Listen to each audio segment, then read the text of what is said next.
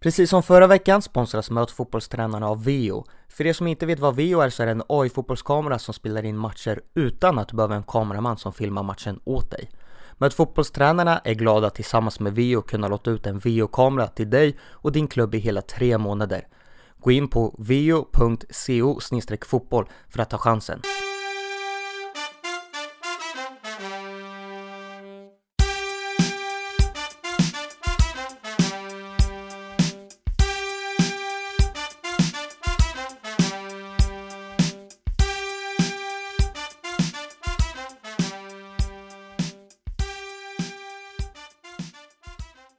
Varmt välkommen tillbaka till med fotbollstränarna Daniel Bäckström.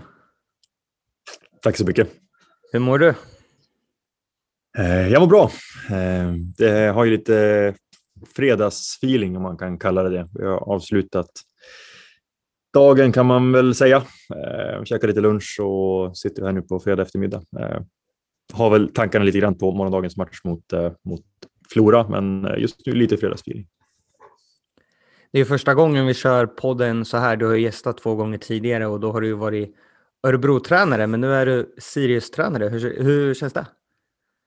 Mm, skitbra. Jag har varit ungefär en månad nu på jobbet här och Ehm, jag tycker att det känns bra. Jag tycker att det har börjat bra. Jag har rätt så höga förväntningar, men det känns som att jag, de, har, de har infriats. Det känns eh, kul att vara på plats eh, och inte bara liksom vara i den här teoretiska bubblan som det är de första veckorna innan man får komma igång och träffa spelarna. Nej, mycket nöjd. Det känns bra. Ni, precis som du nämnde där så har ni träningsmatch imorgon. Vad har ni gjort på träningen idag? Mm, idag så har vi eh, haft en eh, fotbollsträning på ungefär en timme när vi eh, la lite fokus på vår speluppbyggnad. Vi också lite fokus på, på i en delad grupp att skapa målchans och att stoppa målchans och sen så hade vi ett eh, lekfullt avslutningsspel, poängligan med äldre mot yngre, där de äldre tog hem segern med 3-2. Lite tveksamt, eh, tveksamma domslut på slutet där från Theodor som dömde. Eh, men det blir också bäst oftast när de äldre får ta hem de här poängspelen, när det är lite, när det är lite halvdiffust. Så jag tror alla var hyfsat, eh, hyfsat nöjda i slutändan. Vad gör ni när ni har sådana här poängspel? Mm. Ja, vi, vi, gör, vi, vi tävlar. Eh, ibland i större lag och ibland i eh, mindre lag. Eh, och sen så för vi statistik över vilka, vilka spelare som har vunnit eh, respektive eh, egentligen. Så har vi nu en idé om att under januari och februari så kör vi en poängliga och sen när vi då kommer till slut februari så ska vi kröna en segrare eh, och sen så kör vi vidare sen under mars och april eh, nästa runda. Så fint, eh, eh, fint eh, inslag som kanske boostar liksom tävlingsinstinkten ytterligare lite grann. Jag tycker det funkar rätt så bra. Du sa förut att du hade fredagsfeeling. Hur ser en fredagkväll ut i Daniel Bäckströms liv? ja, eh, just ikväll så ska jag faktiskt hitta på någonting. Jag ska åka ut med Ola till hans, eh, eh, jag vet inte om vi kan kalla det för sommarhus, men käka lite middag och grejer. Så det, det känns bra. Annars har det varit ganska lugnt de här, de här veckorna jag bott i Uppsala nu med Eh, ja, en hel del eh, fokus ändå på att komma in i jobbet och så där. Det har väl även blivit så under fredagskvällarna så att, eh, det känns kul att hitta på något annat här ikväll. Du är ingen På spåret-kille? Mm, nej, jag tittar på På spåret om det går på tv, men jag tittar ganska sällan på tv så att, det brukar inte bli så mycket av det. Om vi backar bandet drygt ett år så lämnade du ju ÖSK då för Malmö FF som assisterande. Hur skulle du summera din tid i MFF? Eh, nöjd på många olika sätt.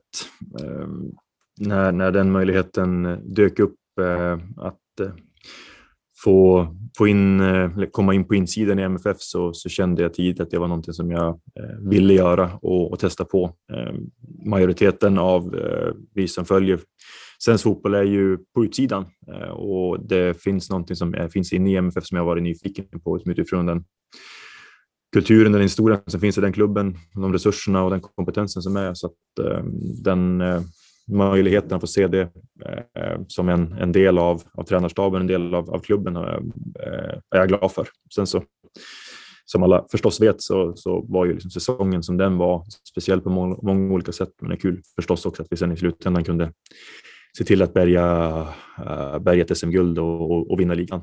Det är också en grej som jag är glad för och som jag gläds åt när jag tittar tillbaka på, på den säsongen. Vilka lärdomar skulle du säga att du har tagit med dig från den här, det här året? Det finns, eh, det finns många. Ehm, jag tror att bara den grejen att byta från en miljö som i mitt fall var, var Örebro till en annan miljö eh, som blev Malmö ger mycket. Man får se ehm, andra sätt att träna på, man får se andra sätt att nyttja personalen på, man får se andra spelare. Ehm, det blir ju per automatik när man kliver in i en ny miljö många nya lärdomar och, och jag tror kanske när jag sammanfattar om jag ska liksom bli specifik så, så är det väl just det att få ta del av en annan eh, det, skola. Ehm, inte nödvändigtvis bättre eller sämre, men en annan skola och att det har hjälpt mig att kanske bygga mitt pussel eh, till någonting starkare än vad det var. Ehm, för det är klart att eh, det blir mycket som blir annorlunda sagt, oavsett vilken miljö man hamnar i. Eh, och eh, där känner jag att jag fick med mig mycket. Eh, kunna kunna säga, värdera och balansera det jag har tyckt och tänkt tidigare mot, mot någonting som blivit annorlunda. Så att, eh, ja. Om det nu är att vara specifik så är det det som, eh, som eh, kommer liksom upp i huvudet eh, först. Hur var det att jobba i en ledarstab där man är så otroligt många fler än vad du kanske har varit med om tidigare? Mm. Men det är klart att det också var nyttigt. Ehm, jag har sagt det i lite olika sammanhang, men många gånger satt vi och var 20 stycken på de morgonmötena som vi då hade i Malmö och det är ju även så nu. Och det är klart att det eh, ställer också lite andra krav jämfört på, en, eh, eh, på ett lag eller i en klubb där, där tränarstaben är mindre. Ehm, jag tror att det både finns för och nackdelar med att vara fler. Eh, och, och det man kan säga där är ju att eh, det blir ju, en, det blir ju ytterligare en utmaning för Jon i det här fallet som, som huvudtränare att eh, coacha även laget runt om spelartruppen. Där lärde jag mig mycket. Det var mycket som, som säga, trillade på plats där också under de månaderna som, som, som gick.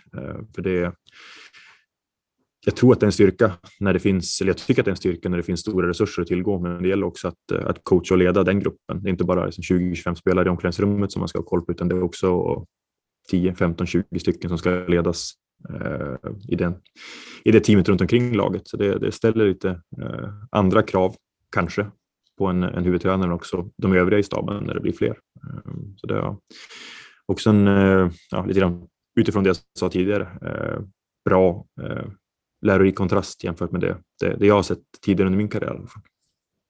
Kan du peka på någon del som du har lärt dig nu under din, eh, ditt år i MFF som det här vill jag verkligen försöka att applicera i Sirius och det kan vara ja, men allt ifrån eh, någonting i spelet till hur man är som ledare?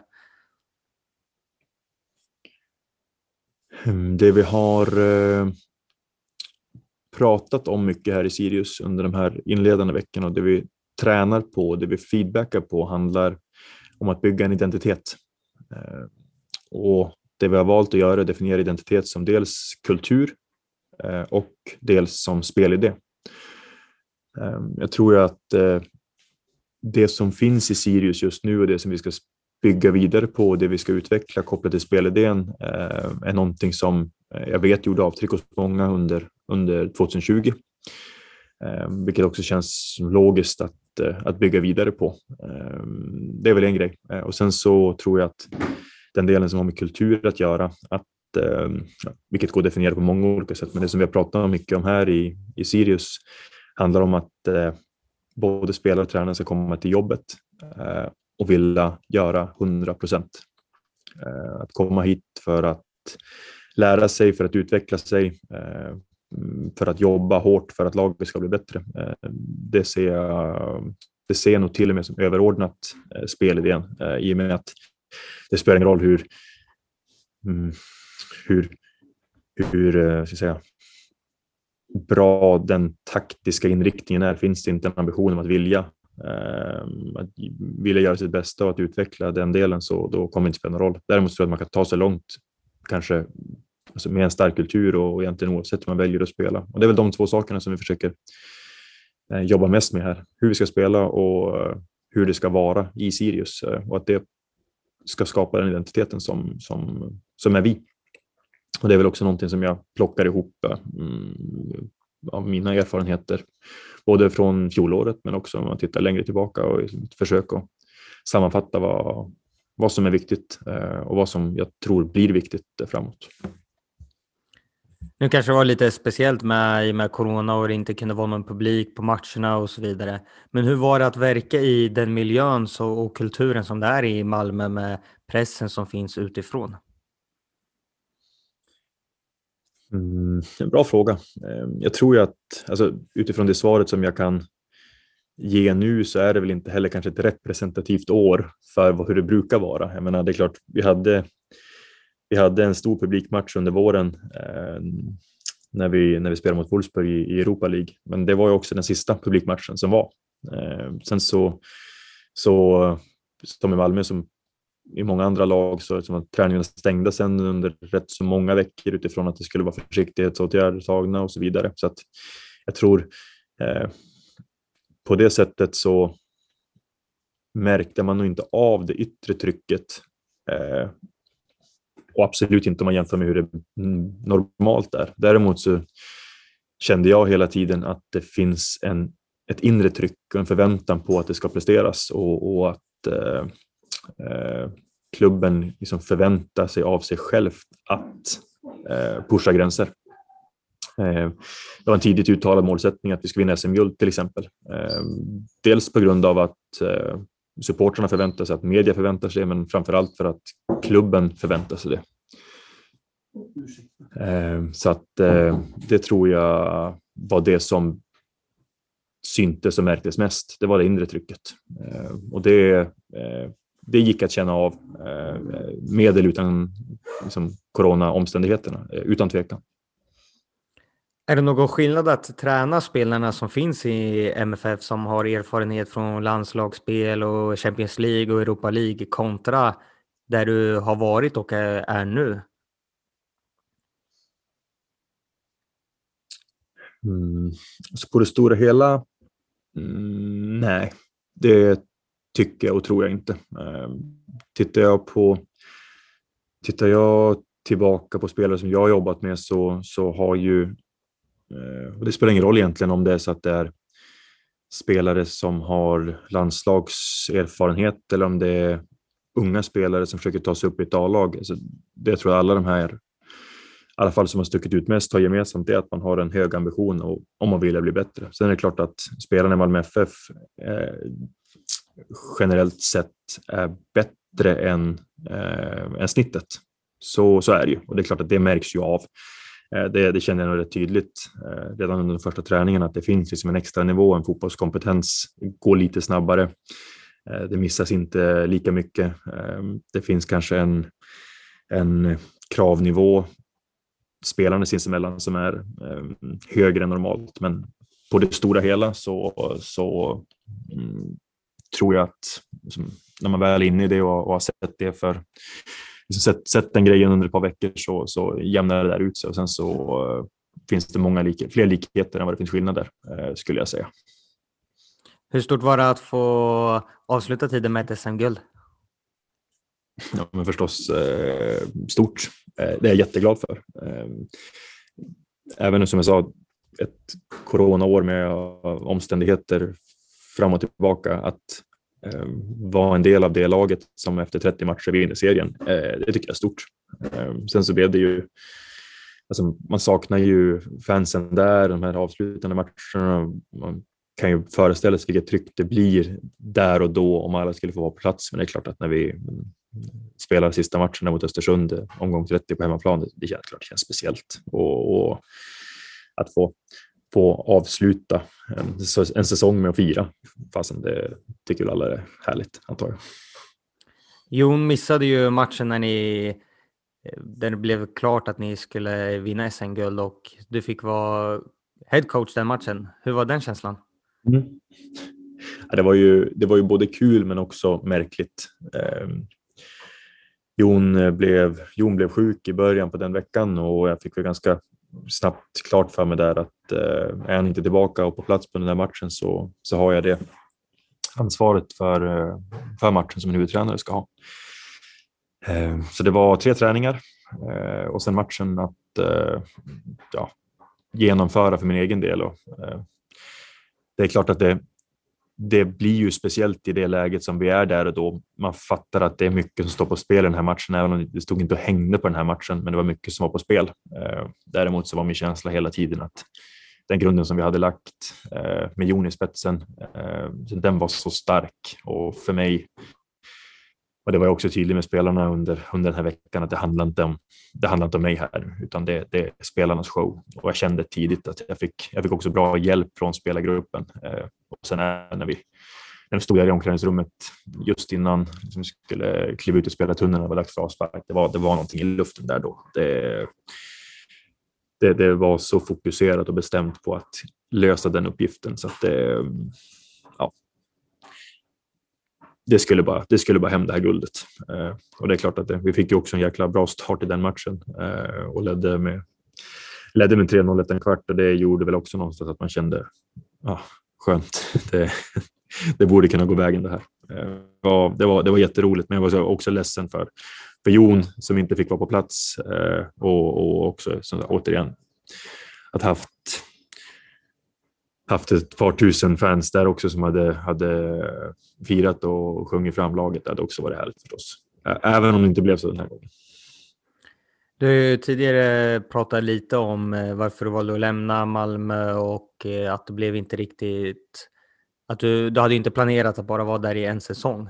Men hur kom det sig då att du valde att lämna? Ja, men det, det enkla svaret är väl att jag, Eh, jag har en familjesituation eh, här eh, eller i Stockholm där, där jag kände att även om jag trivs bra i Malmö och jag har det bra i Malmö så var det dags att få ihop det livet. Och, och, tanken var inte att att endast göra ett år i Malmö. Jag skulle ha stannat där längre, men när man sedan la ihop pusselbitarna och kikade på någon typ av helhet så, så blev det den bästa lösningen. Och som sagt, att, att lämna Malmö i det läget, både vart där klubben är men också där jag själv är, så är det klart att det, en, eh, det, var, det var ett tufft beslut. Men, men någonstans så kände jag ändå att eh, så att lägger man ihop helheten så blev den bäst med att, eh, att flytta norrut och, och, och sikta mot Stockholm igen. Och nu när det sen föll på plats som det föll på plats med resten här så, så känns det väl också som ett, att det blev bra kan man säga. Eh, även om det där under hösten också förstås var, var lite klump i magen över vad som skulle hända och så. Eh, så att, eh, ja, det är väl, det är väl sammanfattningen. Att göra karriär inom fotbollen kan ju vara ganska tufft när det kommer till eh, familj och vänner. Dels att fotbollen tar mycket tid och man behöver göra mycket uppoffringar och man kan behöva flytta runt för att få jobb och du är ju från Umeå, och har varit i Norrköping, Örebro, Malmö och nu Sirius. Hur skulle du säga att det har påverkat ditt liv och din vardag? Bra fråga. Det har ju påverkat mig positivt på väldigt många sätt. Eh, jag har ju lärt känna många människor under de här åren sedan jag flyttade till Umeå som jag eh, har tät kontakt med, vilket jag är superglad för. Jag har också fått alltså, jobbat nu i, i fyra fina klubbar på olika sätt och med allt vad det innebär. Eh, Fått vara med i häftiga matcher, fått eh, lärt mig nya saker. Alltså det, det finns massor. Jag skulle kunna prata hur länge som helst om, om, om det. Men sen är det också klart att det, det, det är ett liv med lite runtflyttande. Mm, vilket man, alltså, och det är både på gott och ont. Jag har ju det mesta av mina sociala kontakter liksom på, på WhatsApp och telefon. Eh, men sen så blir det också grejen att när man väl kommer på plats, man, man börjar jobba, det blir också en, en social situation med de som man jobbar med eh, på olika sätt. Som, eh, alltså, när den funkar så eh, ja, då har jag i alla fall varit, varit jäkligt nöjd. Klart att det är lite, det är lite speciellt. Eh, det blir som inte läge att knyta an till någon lägenhet som man verkligen, verkligen älskar och sen liksom gå runt och tänka på det utan det är hoppa runt lite grann. Eh, få finna sig att vara lite flexibel eh, och sen så ja, bygga livet eh, lite runt, runt det. Man pratar om det så här lite klyschigt kanske, men fotboll är en livsstil och det, det blir det väl kanske när, när eh, i alla fall som jag har haft möjligheten att lägga upp det, flytta runt lite grann, vilket jag framför allt bara ser som jäkligt positivt och roligt för det, det, har, det har berikat mitt liv på många sätt. 14 december stod det klart och du blev presenterad av Sirius som ny huvudtränare. När skulle du säga att den här kontakten ner sinsemellan dök upp? Ja, jag har ju fått frågan förut och jag har väl inte riktigt kunnat pricka något precis svar på det, men det är ju där i månadsskiftet november-december. Ehm, och jag vet inte exakt. Dels så kändes det som att processen och perioden liksom fram tills att det blev klart, den var både lång och det gick snabbt. Ehm, jag vet inte. Eh, jag vet inte precis som sagt, men, men det började bygga där någonstans när, när jag flaggade för att jag skulle lämna Malmö och att jag skulle norrut, sikta mot Stockholm och sen så blev det som det blev med, med Rydström och, och hans planer och sen så vad sa du, den 14 så, så var det klart. Eh, men den är, den är lite rörig den där perioden också. Jag, måste jag erkänna. Det var, eh, det var mycket att hålla koll på. Axén har ju pratat en del gånger om att det finns ju bra och dåliga tillfällen att ta jobb och Sirius gick ju väldigt bra förra året och fick mycket beröm i media och så vidare. Tvekar du någon gång mm. på att ta jobbet just av den anledningen? Att det gick så pass bra förra året? Nej, tvärtom. Eh, tvärtom. När jag, när jag pratade med Ola eh, och när jag pratade med Christer, eh, vår VD här, så, så kände jag tidigt att Eh, det finns någonting i Sirius. Jag, menar, jag har följt Sirius från utsidan. Eh, vi är många som imponerades. Vi är många som imponerades av vad som hände under 2020. Ehm, och, och liksom det kombinerat med det Ola och Christer pratade om så kände jag att här finns det en jäkla potential. Det här vill jag vara med på. Ehm, och sen så, eh, alltså, ska jag vara ärlig, jag hade inte kunnat önska mig egentligen några andra förutsättningar för att kunna känna att men, skulle jag få ändra på det här, skulle jag få justera det här, då skulle det liksom bli bättre. För jag, jag ser det som en jäkligt bra eh, situation, ett bra läge att komma in här. Eh, det finns någonting i den här gruppen som jag gillar som fasen. Eh, och som sagt, det, det, det finns en potential här som jag tror mycket på. Så att, sen vet jag inte, skulle jag sagt nu, pekat ut tre eller fyra saker som, hade, som jag hade önskat mig annorlunda? Nej, det skulle jag nog inte heller gjort. Men det känns skönt att ärligt kunna säga att jag, jag, jag tycker att det känns genuint bra eh, och att det finns någonting att bygga på här. Och det är skönt. Hur mycket Sirius såg du förra säsongen och vad var det som du imponerades av som du känner att de här delarna i spelet, det här vill jag bygga vidare på till den här säsongen? Jag hade ju ett, Eh, det var en del av mitt uppdrag i Malmö, eh, att eh, hålla koll på vad som händer i de allsvenska lagen utifrån motståndarscouting framför allt. Och det vi har pratat om här sen jag kom in, som egentligen synkar precis med det som hände i fjol, det är att jag tycker är bra på att passa, pressa och jobba hårt. Det, var, det är ledorden som vi jobbar med här och nu och det tycker jag också matchar bra med det som hände i fjol. Sirius utifrån Eh, anfallsspelsperspektivet, duktiga på att passa bollen, ta sig fram. Eh, det fanns en, det fanns en, liksom direkta i sitt anfallsspel men ändå lyckades eh, behålla bollen eh, på ett smart sätt, skapa mycket målchanser, gjorde mycket mål. Och sen när, eh, eh när han väl tappade bollen så var han duktig på att pressa förbi tillbaka, pressa högt, pressa högt försvarsspelet. Och det, det vet jag att, som jag sa, många som gillade att titta på i fjol. Eh, när man också när tidigt i december pratade med de spelarna som finns här så kände jag direkt att det här är något som spelarna vill bygga vidare på, spinna vidare på. Eh, och även eh, jag själv, jag har sagt det tidigare också, att hade jag fått ett blankt papper och rita min fotbollskarta liksom från scratch, då hade den synkat väldigt väl med det som hände i Sirius i fjol. Och därför så, ja, det är väl säkert också en anledning till att jag delvis är här. Eh, och därför känns det också naturligt att spinna vidare på, eh, på den grunden som lades i fjol. Hur tuffa skulle du säga att tappen är av spelare som eh, Vecchia, Andersson, Ekdal? Det är, det är ju tuffa tapp, utan tvekan. Eh, sen så, för att kunna svara på kanske hur tuffa de är, det kanske enklaste att göra när säsongen är slut. Det man kan säga är ju att vi har fått in sju spelare som jag är extremt nöjd med att vi har fått in. Eh, där har Ola som sportchef och med Adrian som, som scout gjort ett jäkla bra jobb i att dels kartlägga en stor en stor marknad, men också sen kunna pricka att det är de här spelarna som vi vill ha in. Eh, det är ingen slump att de här grabbarna är här Ehm, och, och jag är jättenöjd med hur vi har satt ihop den här truppen. Ehm, några av dem var klara innan jag kom in. Ehm, några har blivit klara efter att jag kom in, men, men det känns också som att det, det finns en plan för vad de här grabbarna ska göra här och och sen så är det klart att med, med Vecchia och med Elias och Hjalmar som du säger och, och några till som också har lämnat, det är klart att det, det lämnar liksom hål efter sig. Men, men jag, jag, känner mig, jag känner mig trygg med att de vi har sedan tidigare och de vi har plockat in här kommer kunna gå in och, och, och göra ett bra jobb. Det, det, det gör jag verkligen.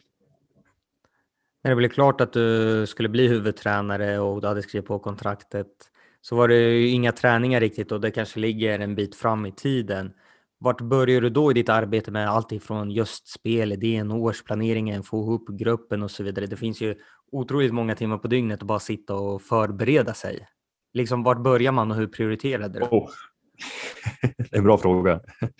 um, och det var väl lite grann som jag sa när vi, när vi började, att det fanns ju en teoretisk fas där, där från mitten på december till första veckan i januari där det handlar mycket om att lägga de här grejerna på plats. Ehm, för sen vet man om att när vi drar igång 11 januari då är det skarpt läge, spelarna kommer in och vi ska träna. Ehm, och då är det praktik. Det en av de första, delen, eller de första sakerna jag gjorde det var att ringa runt till alla spelare och eh, dels presentera mig och, och höra lite grann hur de mådde. Det kändes som en viktig del utifrån att eh, tidigt skapa relationer.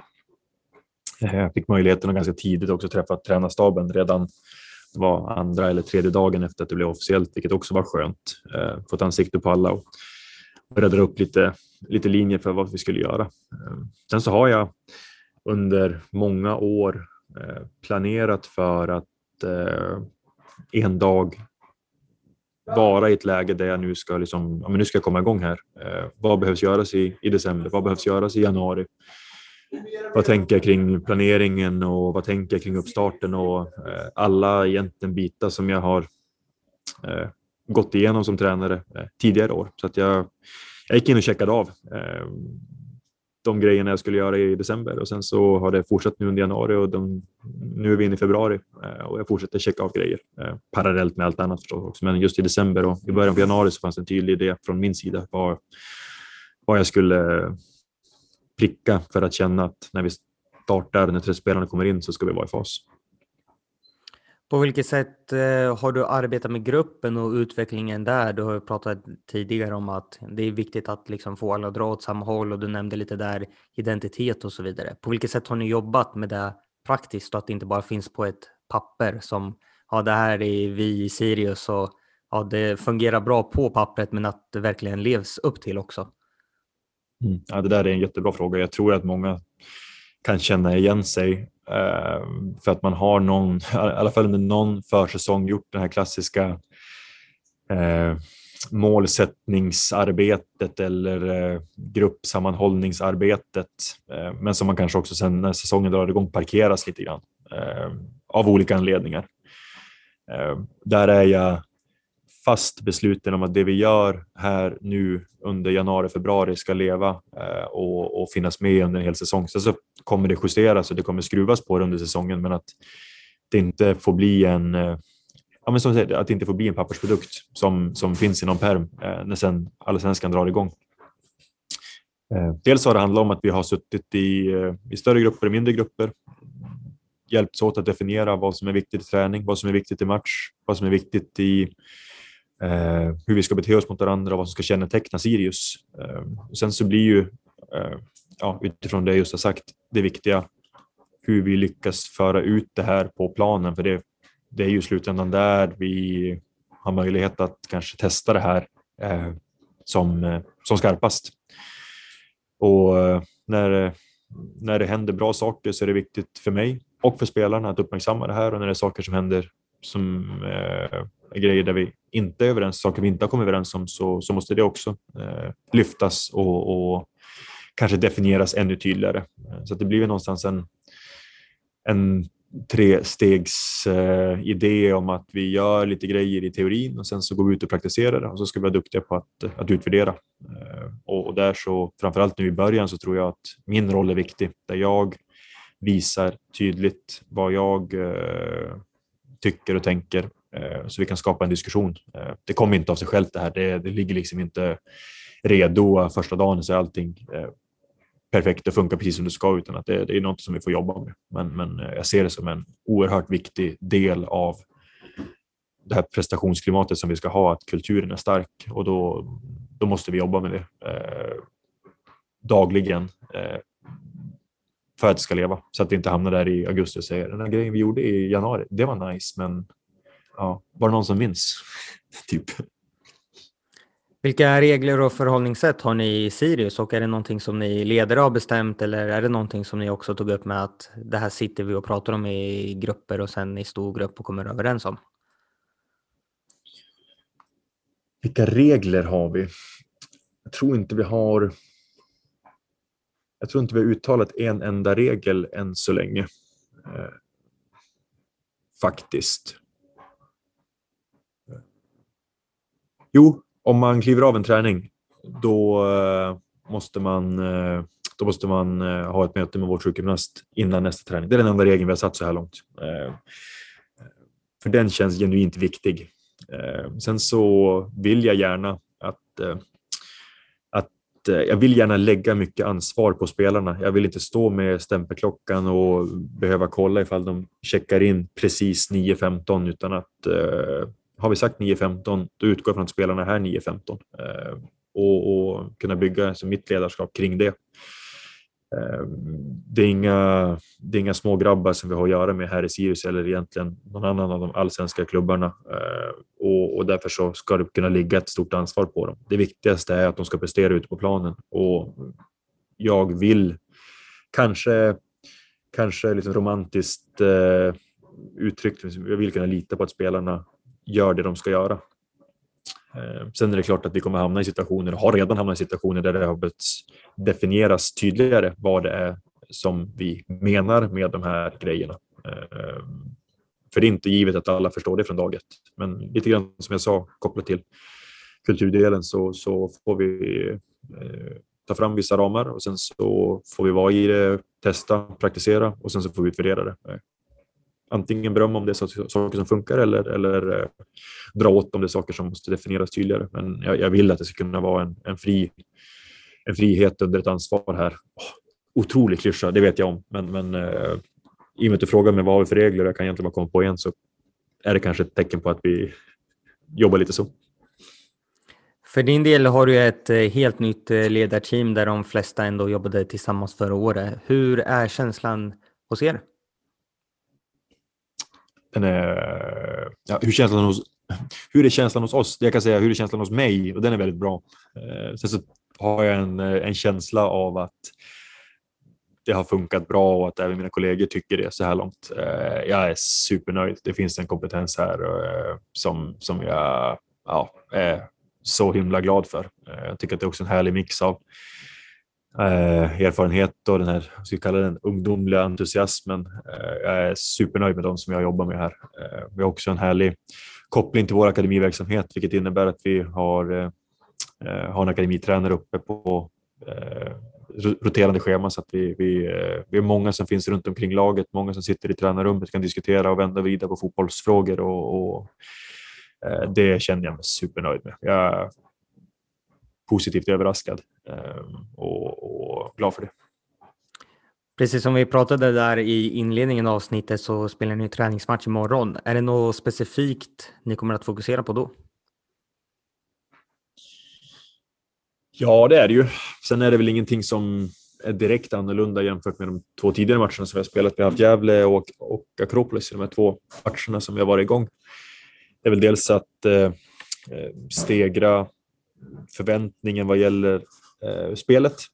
Att vi ska kunna utföra spelidén i, i eh, liksom på, ännu på ett ännu bättre sätt i en högre intensitet. Eh, det är väl lätt. Och sen är nu, nummer två att vi har några spelare som kommer spela mer än vad de har gjort tidigare helg. Eh, ser en progression i ja, belastning kan man säga. Nu är det ju lite mer än en vecka kvar tills vi ska åka ner till, till Skåne och möta Lödde i första cupmatchen så att det, det börjar ju närma sig liksom en, eh, en, en tävlingsmatch här nu och det, hoppas jag att vi kan också se att det märks imorgon på matchen.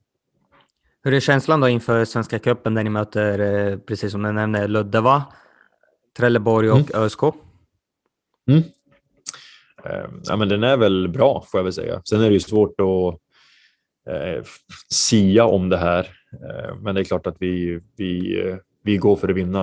Eh, vi, ska ha, vi har ambitionen att vinna alla matcher som vi kliver in i. Eh, sen är ju Lödde ett lag från division 3, vi har Trelleborg från superettan och sen eh, ÖSK i eh, allsvenska ÖSK i sista matchen. Det är väl också som upplagt det ska vara två allsvenska lag som, som fightas om gruppsegern i, i tredje omgången. Och det är väl inte helt orimligt att det ska kunna bli så, men, men utifrån det vi har gjort nu de första veckorna så det känns någonstans som att, och det här ser ju alla tränare liksom i, mitten på, i mitten på februari, det känns som att vi är på rätt väg och vi jobbar med spelet och allt det här. Jag vet om det också. Eh, jag, jag säger inget banbrytande här nu, men jag tycker genuint att det känns som att vi är eh, eh, på väg någonstans. Den här frågan har du fått redan svara på en gång tidigare, men du får den en gång till. Vilken tränare skulle du vilja lyssna på i podden? Jag tror du sa Mats Elvendal förra gången. Det var dumt att inte dubbelchecka. Men han har ju varit med nu, så nu får du säga någon annan. Han har varit det. Jag måste välja någon annan. Um... Och Theodor har också varit med här. Ja. Då säger jag ju Adrian von Heine som är vår scoutanalytiker här i Sirius. Uh, både Theodor Olsson som är assisterande tränare här och Adrian som sagt som är, är scoutanalytiker är två jävligt eh, intressanta grabbar som kommer göra svensk fotboll eh, gott eh, under många år framöver. Eh, Adrian har många bra saker att säga, så det blir ju min, eh, min, det blir mitt tips till dig. Då får jag tacka att du tog dig tid idag och lycka till under 2021 med Sirius. Tack så mycket.